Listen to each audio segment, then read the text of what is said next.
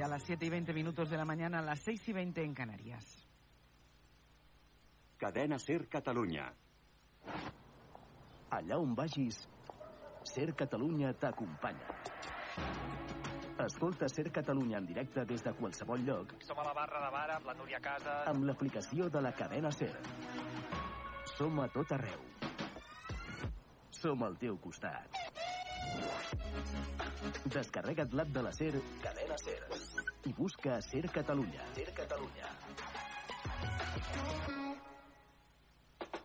Arroba Ser Catalunya. Al perfil de Ser Catalunya trobaràs tot el que passa davant i darrere els micròfons.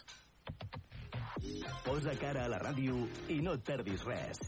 Segueix Ser Catalunya a Instagram. Arroba Ser Catalunya.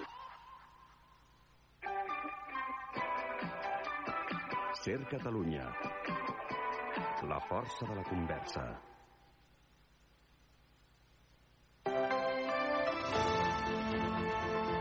Hoy por hoy Catalunya. Sergi López. Què tal? Bon dia. Junts per Catalunya pressionarà fins on calgui per aconseguir que la llei d'amnistia no deixi fora cap encausat pel procés. Els de Carles Puigdemont avisen si la llei d'amnistia no empara tothom s'estarà incomplint l'acord d'investidura. Juntaires i socialistes s'han emplaçat a negociar, però des de Moncloa remarquen que no se la volen jugar amb uns canvis que puguin fer inconstitucional la llei. Ara ho ampliem, abans anem amb la informació servei. Quin temps tindrem avui, Jordi Carbó? El dia ha començat amb una mica de fred, temperatures semblants a les que teníem ahir, 10 graus a Mataró, n'hi ha 6 a Figueres, 4 a Tortosa, 2 a Solsona. Però com en general farà més sol que ahir, temperatures màximes més altes, especialment a la cara sud del Pirineu, també a la costa i per litoral, màximes al voltant dels 20 graus a moltes poblacions. Cap al Pla de Lleida, on la boira persistirà fins al migdia, també a llocs propers, la temperatura pujarà menys, farà fred durant més hores. I el vent de mestral s'ha de reforçar a les Terres de l'Ebre, la tramuntana a l'Empordà i els Pirineus. Anem ara al RAC. Com estan les coses a les carreteres i a les autopistes? Àlex Huguet, bon dia. Molt bon dia, destaquem aquesta hora que encara es treballa per normalitzar la circulació a la C32 a l'altura de Canet de Mar en sentit sud per l'avaria d'un vehicle ahir a la tarda. A les vies habituals comencen les retencions d'hora punta, com sempre, a l'AP7 al Papiol en sentit sud, els accessos a Barcelona per la C58 des de Montcada Reixac o a les dues rondes de Barcelona en sentit Llobregat. Ja són més de 5 quilòmetres a la ronda litoral des del Nus del Besòs i a la B20 hi ha 4 quilòmetres més des de Santa Coloma de Gramenet fins ben bé la sortida d'Horta. És tot des del RAC. Molt bon dia.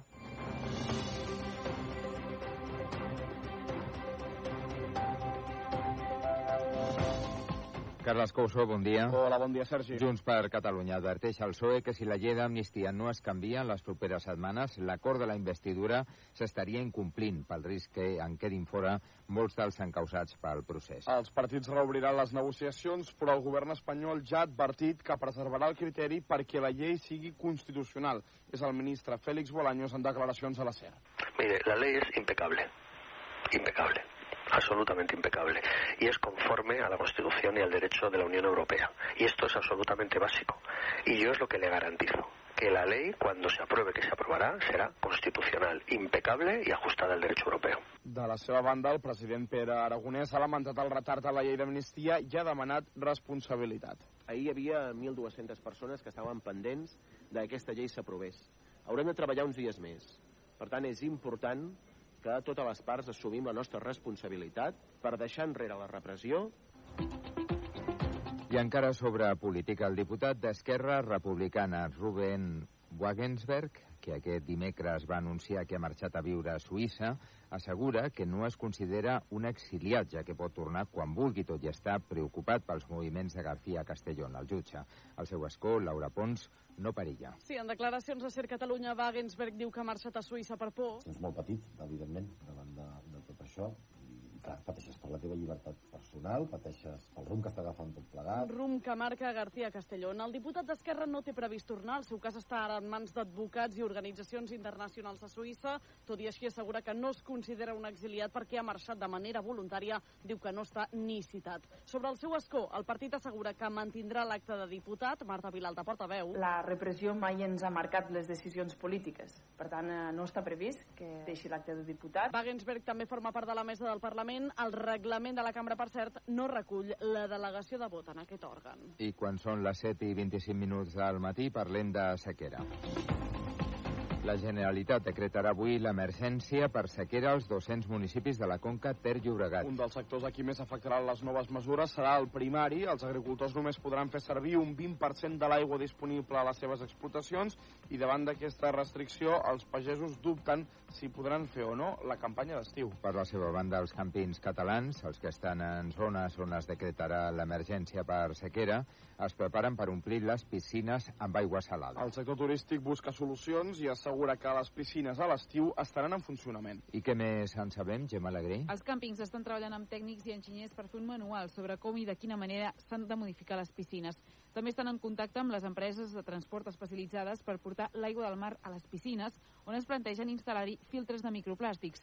Miquel Gotanegra és el president de la Federació Catalana de Càmpings. Aquest estiu, les piscines dels càmpings catalans estaran funcionant, siguin amb aigua d'aixeta o sigui amb aigua de mar. Les que funcionaran amb aigua potable són aquelles que estan en municipis on de moment no s'hi decretarà l'emergència per sequera. Gota Negra ha carregat a més contra la impossibilitat d'omplir les piscines perquè diu aquesta iniciativa no acabarà amb la sequera. I pel que fa al sector dels gimnasos, l'Associació d'Instal·lacions Esportives Gestiona proposa dutxes de 3 minuts per estalviar aigua. Diuen que obligar-los a tancar les dutxes no soluciona el problema de la sequera i els farà perdre un 20% d'usuaris. Aquesta associació ha impulsat una campanya amb la que pretenen reduir un 25% del consum. Hoy por hoy Catalunya. L'Institut Català de la Salut ha creat eines pròpies d'intel·ligència artificial per millorar el diagnòstic del càncer de mama. Els vuit hospitals propietat de l'ICS ja han començat a aplicar-les. Susana Ruiz.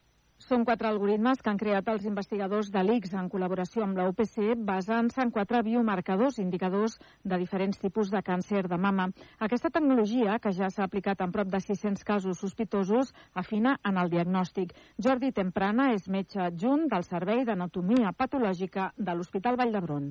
L'aplicació d'aquestes eines de patologia digital, de transformació digital i dels algoritmes d'intel·ligència artificial ens permeten doncs, obtenir el diagnòstic de forma més ràpida, més segura, més eficient, inclús proporcionant també equitat als, als pacients. Els investigadors ja estan treballant en nous algoritmes pel diagnòstic del càncer de pulmó. I en la plana econòmica, Danone diu que tanca la planta de Parets del Vallès per inactivitat. Gairebé la meitat de l'útil industrial, diuen, està en desús. L'auge de la marca blanca també és un dels arguments que la làctica esgrimeix per baixar la persiana a la planta vallesana i traslladar la producció al Daia, al País Valencià i també a Bèlgica. Marina Segura. Així ho ha traslladat l'empresa als treballadors en l'última reunió que han tingut i en la qual la plantilla ha pogut accedir als informes que Danone utilitza per justificar el tancament de la planta. El sindicat ha presentat el seu propi contrainforme defensant la feina feta en els darrers anys. Explicant la viabilitat de la planta, explicant que hi ha més solucions, començar a produir i que tenim espai i tenim l'útil disponible i hem defensat a mort la viabilitat de la planta i la viabilitat dels treballadors. És Jordi Barragán, president del comitè d'empresa de Danone, en declaracions a l'Agència Catalana de Notícies. Les reunions es reprendran avui mateix i els 157 treballadors de la planta vallesana tenen l'expectativa de saber quins plans té Danone per a ells. I també d'Economia ja es podran pagar els tributs i els deutes des del mòbil. Sí, l'Agència Tributària de Catalunya ha posat en marxa una aplicació que permet fer aquests tràmits, entre d'altres, com demanar cita, abonar l'impost del CO2 o notificar la com la compravenda d'un vehicle de segona mà. Esports, Marc Gasol diu adeu a la seva carrera com a jugador de bàsquet. El pivot de Sant Boi va repassar ahir al vespre als cinemes Texas de Barcelona la seva trajectòria al Barça, a Memphis, Lakers i a Girona i va anunciar oficialment la seva retirada. Una parte de ti, pequeñita aunque sea, pues dices, aún, aún, algo puedo hacer, pero, pero la cabeza por suerte eh, ha podido más y, y el corazón también. Al final ha sido Claro, claro. Un, cúmulo, un cúmulo de cosas que, que te hace pues tomar la, la sabia decisión de que ya toca dedicarse a otra cosa. Són declaracions de Marc Gasol a la cadena CERT, un Marc que continuarà ara com a president del bàsquet Girona. I d'un mite del món del bàsquet, el futbol, el Barça masculí es va imposar per 1 a 0 a Osasuna amb un gol de Víctor Roque, com que l'Atlético de Madrid també va guanyar per 2 a 1 al Rayo, els blaugrana continuen quarts. I el Barça femení va empatar a 4 al camp del Benfica en partit de Champions. Les blaugranes ja estaven classificades per a la següent fase com a campiones de grup. Doncs d'aquí a 20 minuts, més notícies de Catalunya. Ara continueu en la companyia de l'Oi por Oi amb Àngels Barceló.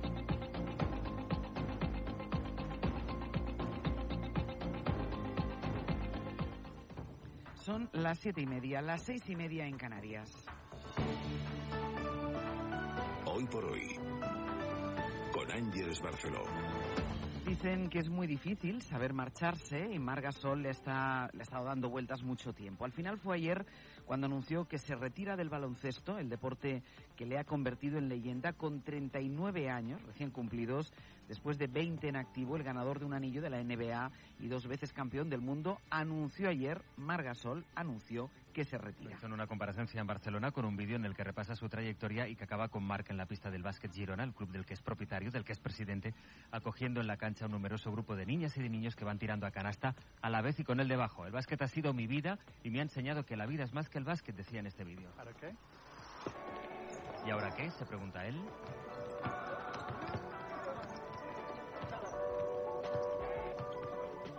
Doncs ara és l'hora de donar tot el que t'ha ensenyat. Ahora dice, es la hora de dar, de devolver todo lo que me ha enseñado. Son los valores de Gasol dentro y fuera del parque. Los